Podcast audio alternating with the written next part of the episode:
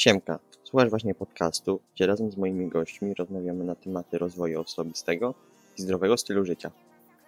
W dzisiejszym odcinku podcastu gościem była Weronika Kaszuba, znana z Instagrama pod nazwą z przepiśnika dietetyka. Razem z nią porozmawiałem o dosyć popularnym w ostatnim czasie temacie aktywności wśród Polaków oraz o coraz to większym procencie osób otyłych w naszym otoczeniu. Zapraszam do wysłuchania podcastu. Cześć Weronika, przedstaw się proszę słuchaczom. E, Cześć wszystkim, nazywam się Weronika Kaszuba, jestem doradcą żywieniowym oraz studentką dietetyki. E, Część z Was może mnie kojarzyć z mojego profilu na Instagramie z przepiśnika dietetyka. Jako, że jest to taka Twoja pierwsza tego typu audycja, możesz też powiedzieć dosłownie w kilku zdaniach, opowiedzieć jak to się zaczęło, że zainteresowałaś się dietetyką. Wiesz co, pierwszym impulsem e, zapewne było to, że w trzeciej liceum chciałam schudnąć. Zawsze byłam raczej szczupłym dzieckiem, e, wręcz bardzo szczupłym, a na etapie gimnazjum, gdy mój organizm wszedł w tą ostateczną fazę dojrzewania, e, ciało zaczęło się zmieniać, co nie do końca mi się spodobało. Nigdy nie miałam nadwagi, nigdy nie byłam otyła, po prostu moje kształty zrobiły się okrąglejsze. Przyszło liceum, zbliżały się matury, lato, a po lecie miały być studia. Więc chciałam coś z tym swoim wyglądem zrobić. E, No niestety wtedy jeszcze nie wiedziałam, jak się za to odpowiedzialnie zabrać i skutki zdrowotne były nieciekawe, ale myślę, że to jest temat na osobny odcinek. E, Przez to, że- zaczęłam interesować się kaloriami, ćwiczeniami, zdrowym odżywianiem, e, co wtedy oznaczało dla mnie podejście totalnie zero-jedynkowe, to zainteresowałam się też dietetyką jako kierunkiem studiów. Niestety albo stety, moja droga edukacyjna potoczyła się nieco inaczej. E, Trafiłam na uczelnię medyczną, ale na zupełnie inny kierunek, całkowicie niezwiązany z żywieniem. E, Skończyłam te studia, w międzyczasie szkoliłam się z zakresu dietetyki, założyłam swoje pierwsze konto, e, na którym dzieliłam się głównie przepisami i zdjęciami posiłków podczas mojej walki z efektem jojo po tym właśnie pierwszym nieudanym odchudzaniu.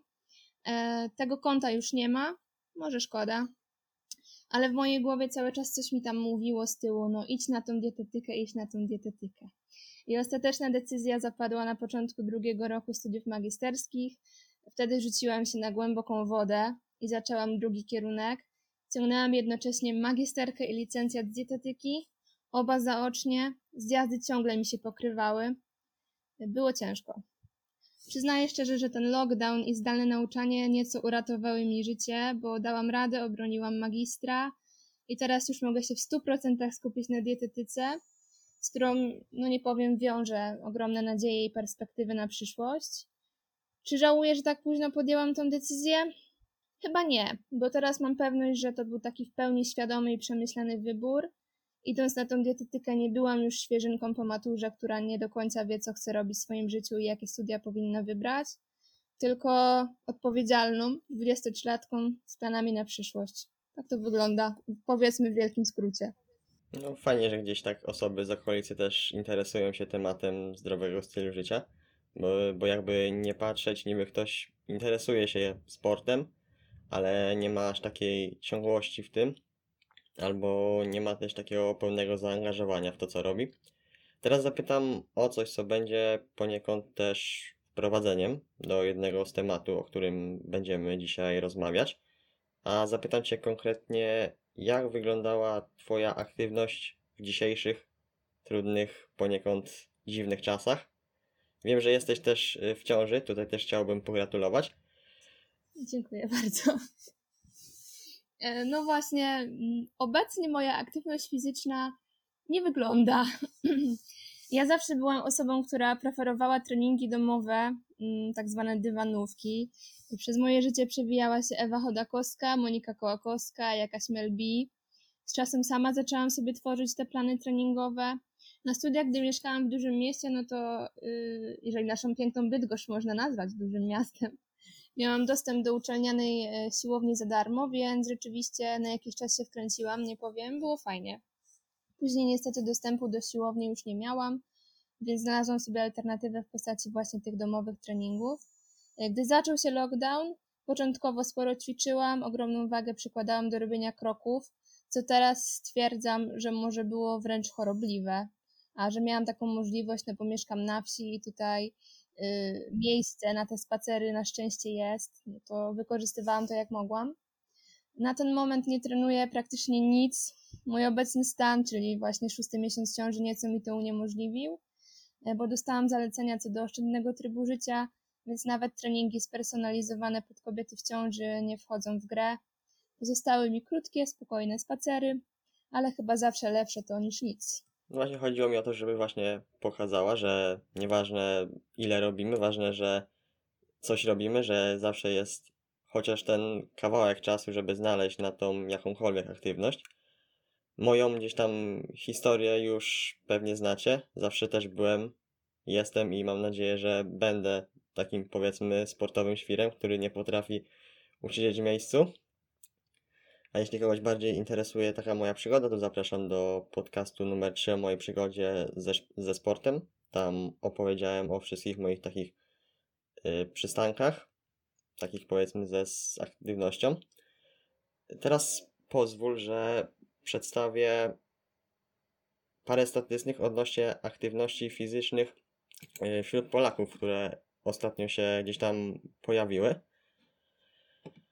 I no, są, to, są trochę takie zatrważające, bo aż 70% mężczyzn i 64% kobiet nie praktykuje jakichkolwiek w ogóle form ruchu, a tylko zaledwie 20% chłopców i 15% dziewcząt w wieku od 11 do 16 lat utrzymuje poziom aktywności zalecany przez WHO, czyli tam jest chyba te 150 minut mm, tygodniowo na jakąkolwiek aktywność. Jak się zapatrujesz na te właśnie liczby? Powiem tak. Ten brak ruchu prędzej czy później doprowadzi do poważnych konsekwencji i wydaje mi się, że zarówno fizycznych, jak i psychicznych, bo ja jestem zdania, że aktywność fizyczna wpływa nie tylko na nasze zdrowie fizyczne, ale także na psychikę. A plaga otyłości to chyba jest rzecz tak oczywista, że nawet nie trzeba o niej przypominać. Chociaż z drugiej strony może warto o tym trąbić, bo do wielu osób nadal to nie dociera.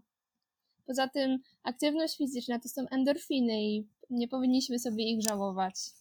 Jacek Bilczyński, z tego co pamiętam w którymś odcinku swojego podcastu, wspominał, nie wiem czy to jest prawda akurat, ale wspominał o takiej rzeczy, gdyby na przykład powiedzmy rząd płacił nam za to, że my uprawiamy jakąkolwiek aktywność, to zaoszczędziłby dużo więcej pieniędzy niż na to, że musi wydawać na służbę zdrowia, na te wszystkie związane z tym kwestie.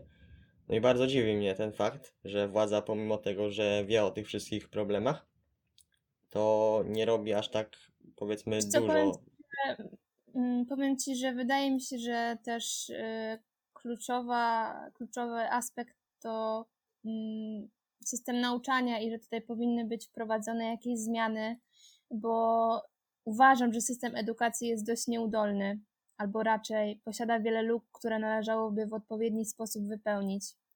Może oprócz wychowania do życia w rodzinie warto byłoby też wprowadzić jakieś dodatkowe godziny na temat edukacji żywieniowej.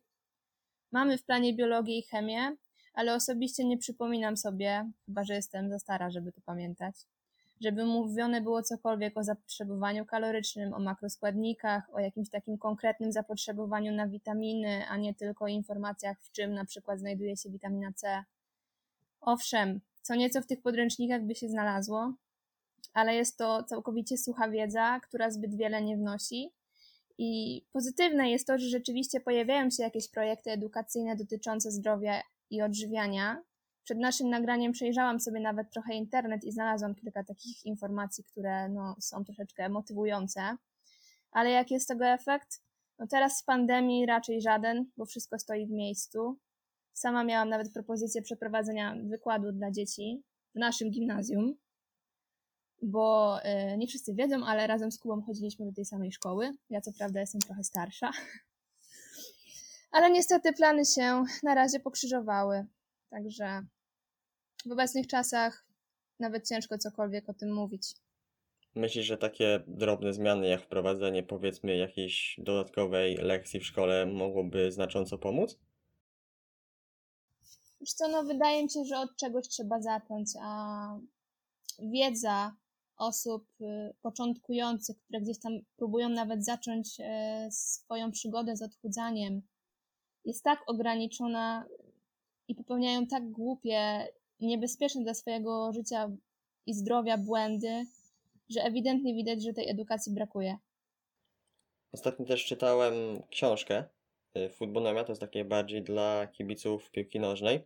Jest tam wiele statystyk i różnego, ale zapadł mi we, w pamięci jeden taki rozdział na temat Islandii, czyli kraju, który liczy 350 tysięcy mieszkańców, czyli tyle co Bydgoszcz. Ale wracając do Islandii, kraj tak naprawdę nie ma aż tak wielkiej historii, ale tam każdy, nawet nie patrząc na temperatury, jakie tam występują, bo zimy sam, są tam dosyć mroźne, a pogoda w ciągu dnia naprawdę zmienia się z godziny na godzinę, to każdy uprawia tam sport.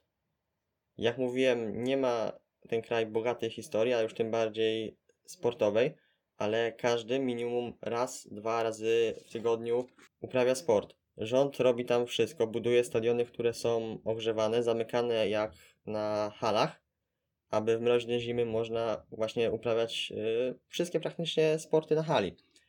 I teraz pytanie do Ciebie, co można zrobić, albo co może zrobić nasza władza, aby wspomóc nasze społeczeństwo do, do uprawiania aktywności?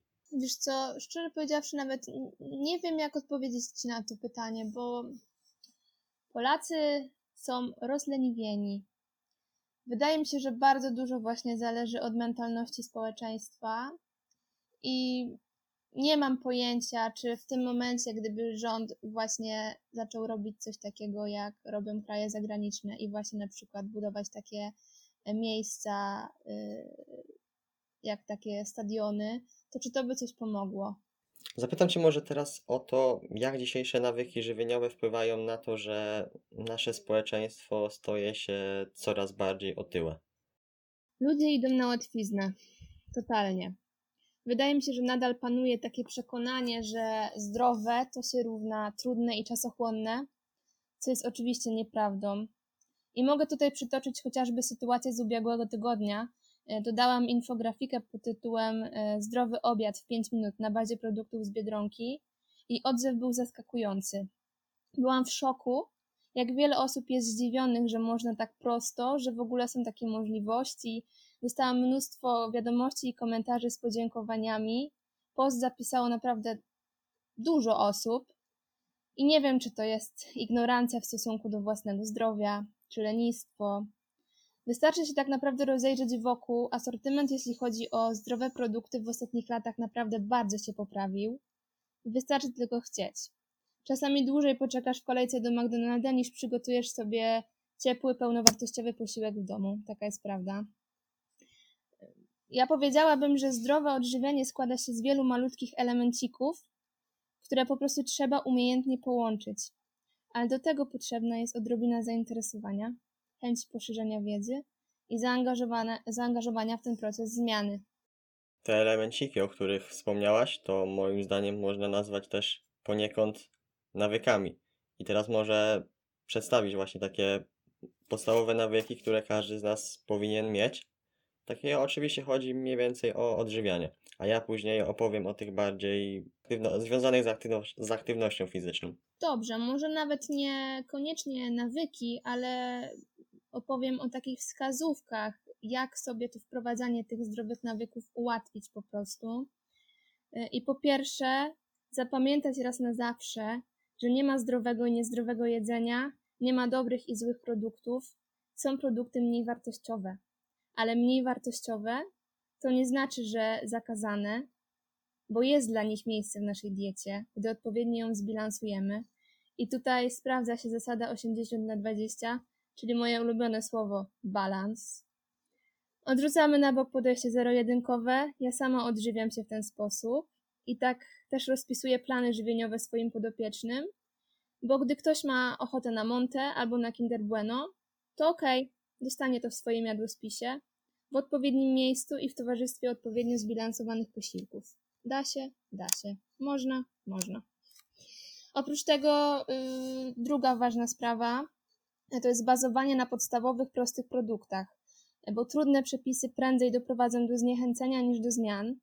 Owszem, można, a nawet warto kombinować w kuchni, modyfikować posiłki pod siebie, ale nie trzeba rzucać się od razu na nie wiadomo jak skomplikowane przepisy, bo to demotywuje. E, Kolejna rzecz, czyli nawyk picia wody. Jeżeli nie jesteśmy w stanie w 100% zrezygnować ze słodkich napojów typu cola, no to przerzućmy się na napoje zero. Oczywiście w racjonalnych ilościach. E, Z tego co widzę, to ty bardzo motywujesz swoich obserwatorów właśnie do picia wody i to jest bardzo, bardzo dobre. I powiedz mi, bo jestem ciekawa, e, jak wyniki tych ankiet, które codziennie wstawiasz, jak to z tym piciem wody u innych osób? Wiesz co, z piciem wody jest akurat dobrze. Gorzej jest z owocami i warzywami, wiesz? Tutaj akurat y, nawet mogę za chwilę sprawdzić. No właśnie, no to też jest kolejna kwestia, to owoce i warzywa, bo tak naprawdę jak usłyszymy e, 400 czy 500 gram warzyw i owoców dziennie, to wszystkim się wydaje, że to jest nie wiadomo jaka liczba, a tak na dobrą sprawę, jak pójdziemy na targ i wybierzemy sobie ładne jabłuszko, to się okazuje, że to jabłko prawie 200 gramów waży, więc mamy dwa jabłuszka, dołożymy coś jeszcze do tego i po prostu mamy to nasze zapotrzebowanie już spełnione. Także Tak, teraz sprawdzam ankiety właśnie y, z wczoraj. Y, Szklanka wody było 73% do 27%, a owoce i warzywa praktycznie jest 50 na 50, bo jest 55 do 45, więc no te warzywa jednak cały czas kuleją, a tak jak powiedziałaś, to nie jest dużo. I zrobiłem kiedyś też o tym infografikę właśnie, że te 400 gram warzyw, owoców to nie jest dużo. To są dwa duże jabłka, trzy banany tak naprawdę i no, no mówię, to nie jest dużo. Ludzie po prostu nie mają takiej świadomości, chyba tak mi się wydaje. E, Poza tym, jeszcze jeden bardzo ważny punkt, chyba nawet najważniejszy, tak mi się wydaje, i to w każdej sferze y, życia, jeżeli chodzi o cele i założenia, nie tylko jeżeli chodzi o odchudzanie, to jest właśnie nie narzucanie sobie zbyt dużych restrykcji i zbyt wygórowanych celów. Bo na przykład minus 10 kg w miesiąc to nie jest dobry plan, który na pewno nie wypali, a jeżeli jakimś cudem wypali, no to kosztem naszego zdrowia i dużą ilością frustracji. Dobra, ty powiedziałeś o wskazówkach dotyczących odżywiania, a ja tak mówiłem, powiem o takich wskazówkach, nawykach właśnie dotyczących aktywności fizycznej, bo teraz sprawdziłem, WHO zaleca właśnie od 150 do 300 minut tygodniowo wśród do- dorosłych, a wśród dzieci to powinno być 60 minut takiej powiedzmy aerobowej aktywności w ciągu dnia. A nie wiem, czy te 60 minut to spełnia no nie wiem, pewnie może z 5% społeczeństwa dzieci. I teraz właśnie o tych wskazówkach, czyli ograniczyć czas siedząc. Myślę, że to jest, no, siedzenie to taki jest nauk XXI wieku, bo tak naprawdę my wszędzie siedzimy. Siedzimy w szkole, siedzimy teraz w domu, jesteśmy zamknięci i cały czas siedzimy. Dlatego ja na przykład jak teraz nagrywamy podcast, ja nie siedzę, naprawdę. Ja teraz stoję, ja sobie postawiłem laptopa na szafie i nagrywam. Ja sobie zmieniam pozycję właśnie. Mniej więcej pół godziny stoję, pół godziny siedzę, bo samo stanie też nie jest dobre. To dla stawów i dla mięśni też nie jest dobre, dlatego ja sobie zmieniam pozycję mniej więcej co pół godziny. Jak najwięcej czasu starać się po prostu ruszać, wychodzić nawet, nawet na jakieś krótkie spacery. Te 300 minut tygodniowo to jest mniej więcej po pół godziny dziennie. Pół godziny dziennie to nie jest dużo, żeby powiedzmy nawet pojeździć sobie na rowerku stacjonarnym w domu, oglądając jakiś film albo słuchając jakiegoś podcastu, na przykład sprzątać pokój albo cokolwiek, żeby po prostu być w ruchu. Nasze ciało jest przyzwyczajone do ruchu, bo kilka tysięcy lat temu my praktycznie poruszaliśmy się tylko na własnych nogach i to ciało cały czas jest przyzwyczajone. Przykładowo, jak stoimy na przystanku czekając na autobus, to nie, nie siedźmy, po prostu ruszajmy się, wykorzystajmy ten czas, po prostu przejdźmy się w jedną, w drugą stronę, zamiast windy wybierajmy schody. To są takie podstawowe rutyny, ale już będziemy dbać o tą naszą minimalną aktywność. Dodałabyś coś jeszcze do tego? Wiesz co, no można dodać, że nawet y, zwykłe prasowanie ubrań to jest jakaś aktywność, bo jednak tymi rękoma machamy, także nawet takie zwykłe domowe czynności możemy tutaj y, zaliczyć do jakiejkolwiek aktywności. Oczywiście to y, nie jest zbyt wiele, ale tak jak wspomniałeś, cokolwiek, nawet krótki, pięciominutowy spacer to już ma jakieś znaczenie. Trochę szybko poszedł nam ten podcast. Nie, nie naprawdę nie myślałem, że aż tak szybko nam tutaj to pójdzie. Na pewno jeszcze z Weroniką musimy się omówić na jakiś inny podcast, bo no było bardzo szybko. A teraz zostawię Ci Twoje powiedzmy takie 5 minut, żebyś się no, zareklamowała, gdzie można Cię znaleźć. Okej, y, dobrze, więc ogółem y, działam przede wszystkim na Instagramie. y, Tak jak na początku wspominałam, moje konto nazywa się z przepiśnika dietetyka. Tam stawiam infografiki oraz y, przepisy, trochę codziennego życia, trochę tipów dietetycznych, wskazówek. Często robię jakieś Q&A. Ostatnio też pojawił się live z innym dietetykiem, a właściwie dietetyczką na temat insulinooporności, który jest zapisany. Także jeżeli kogoś interesuje ten e, temat, to zapraszam na moje konto, tam można go obejrzeć. No jeżeli kogoś zainteresuje moje konto, to zapraszam do obserwacji. Myślę, że się nie zawiedziecie. Ja bardzo zapraszam na profil właśnie Weroniki, bo takich dużo właśnie, jak ona powiedziała, wskazówek właśnie dotyczących takich prostych, prostych zmian na lepsze, zdrowsze życie. Ja też korzystam. No i co? To było dzisiaj na tyle. Dosyć krótki podcast, ale wartościowy. Mam nadzieję, że się spodobało. No i co? Słyszymy się za dwa tygodnie. Cześć.